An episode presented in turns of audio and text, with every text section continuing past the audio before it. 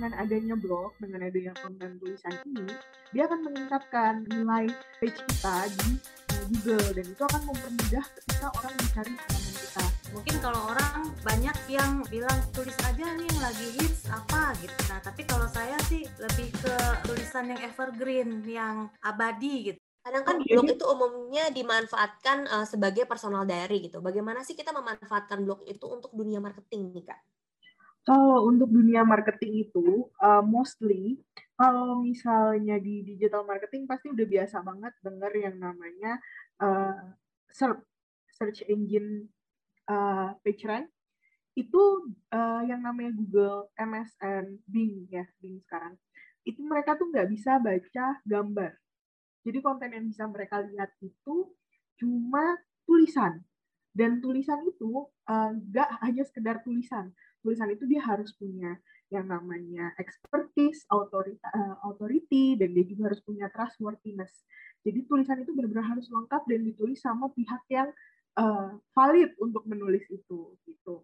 Jadi dengan adanya blog, dengan adanya konten tulisan ini, dia akan meningkatkan uh, apa namanya page rank kita. Sekarang istilahnya bukan page rank ya, nilai uh, page kita di Google dan itu akan mempermudah ketika orang mencari halaman kita. Jadi minimal tulisan itu misalnya 500 kata. Makanya sering kan kalau ngelihat uh, apa e-commerce gede atau uh, apa namanya blog-blog brand gede itu pasti selalu di footernya ada tulisan tuh panjang. Nah, itu salah satu sebenarnya bagian dari blogging itu. Dan konten blog itu memaksa brand untuk mengupdate websitenya secara terus-menerus dan berkala.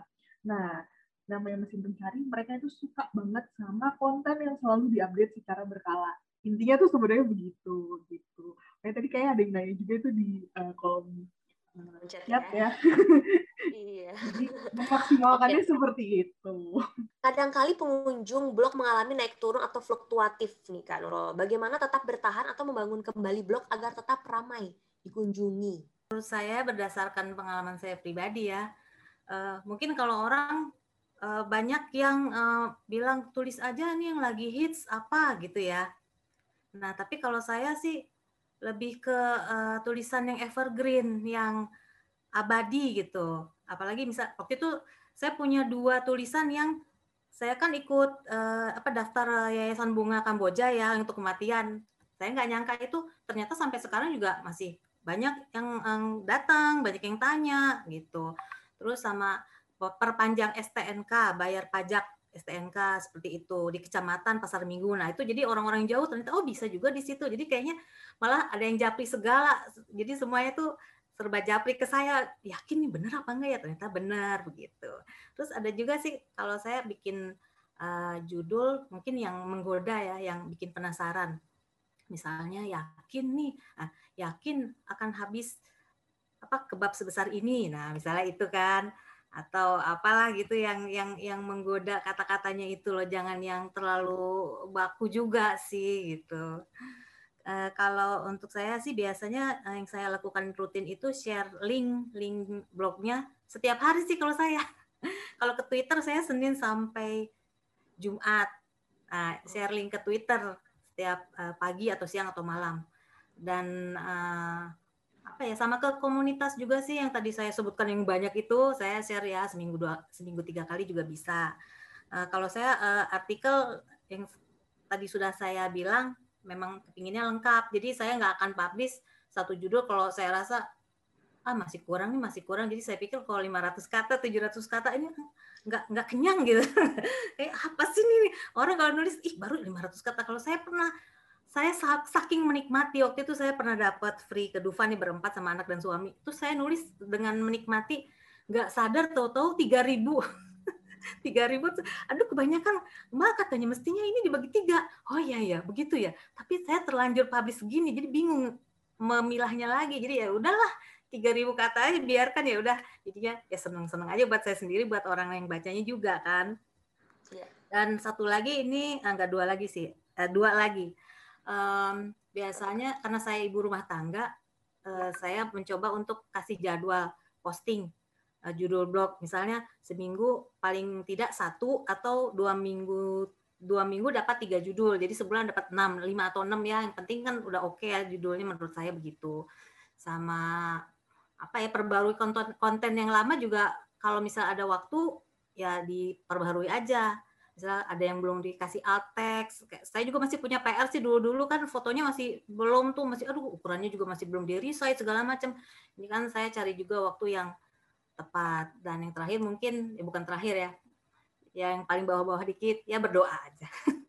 Moga-moga laris dikunjungi pembaca ya dan di ya disukai lah gitu. Sekian kayaknya dari saya itu dulu. Selain mampu menulis konten yang relatable dengan audiens, apalagi sih Kak hal yang perlu diperhatikan dalam penulisan microblog? Uh, konsisten sih. Jadi kalau kita membuat sebuah microblog itu kita buatnya konsisten dan kita juga perlu mengupdate algoritma Instagram. Jadi uh, kalau saya kan banyak di Instagram ya. Saya pernah mengalami tiga perubahan algoritma Instagram. Akhirnya pernah juga mengalami traffic Instagram saya itu menurun. Ya, dulu hashtag itu sangat sangat berguna sekali. Bahkan satu posting itu kita bisa menjangkau puluhan ribu, puluhan ribu orang yang bisa membaca konten kita. Tapi ternyata ada perubahan-perubahan algoritma sehingga menurun. Jadi selain kita uh, konten dan konsisten juga uh, dan juga kita update terus algoritma Instagram itu seperti apa berjalannya sehingga kita juga bisa tetap menjangkau lebih banyak audiens seperti itu. Tipsnya gimana ya kak kalau udah stuck dengan dunia blog, hilang semangat dan sulit mengaplikasikan SEO-nya? Lagi, jadi aku mulai serius tuh 2016 serius banget kan. Dan semua orang tuh kayak push untuk harus SEO dong, harus uh, ngikutin kaedah-kaedah. Uh, SEO tuh sebenarnya sekarang simple banget. Udah nggak kayak dulu yang harus uh, memasukkan 10 keyword minimal. Enggak, fokus dulu di kontennya karena sekarang uh, mesin pencari itu senang banget sama konten-konten yang organik dan konten-konten yang memang dia tuh berisi bermanfaat. Jadi bikin aja konten dulu tulis aja dulu. Kalau bingung masalah SEO yang penting kalau apa pun yang terjadi ya paling gampang adalah selalu namain gambar file gambar. Jadi misalnya uh, kita nulis soal Dufan tuh tadi kayak Mbak Nurul terus uh, namain aja semua fotonya Dufan 1, Dufan 2, Dufan 3, Dufan 4, Dufan 5 gitu. Sampai Dufan 20 juga nggak apa-apa. Itu aja dulu.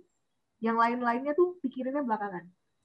Gak apa-apa, karena gini, yang penting ketika konten itu organik dan dia memang fokus membahas sebuah hal, dia pasti akan muncul kok secara SEO. Nah, kalau udah writer's blog, memang harus cari inspirasi. Jadi, uh, ada seorang teman aku yang pernah kasih saran, kalau kita lagi stuck untuk nulis, yang harus kita lakuin adalah sebaliknya, kita harus baca. Jadi baca yang banyak, jalan-jalan ke blog teman-teman, terus kemudian uh, ya apa ya, kayak mencari inspirasi, uh, bikin mood board, terus uh, ngelakuin hal-hal yang seneng dulu, bikin mood untuk nulis, baru kita nulis. Karena ya memang nggak bisa dipaksain, kalau nulis itu memang uh, butuh mood juga, butuh happy happy juga. Aku pun juga sering writer's blog, uh, nggak masalah. Yang penting uh, gimana caranya kita berprogres, walaupun kecil, nggak masalah. Jadi jangan takut kalau misalnya, aduh udah pusing duluan mikirin SEO, itu belakangan, bikin dulu kontennya. Kalau nggak ngerti sama sekali soal SEO, bisa minta tolong ke teman-teman yang lebih paham atau ke komunitas atau chat aku di DM Instagram juga nggak apa-apa itu tuh banyak pasti banyak kok teman-teman sama blogger sejauh ini. Uh, aku selalu melihat semuanya suportif. Kalau misalnya kita susah untuk maju sendirian coba untuk maju bareng-bareng. Pasti lebih enak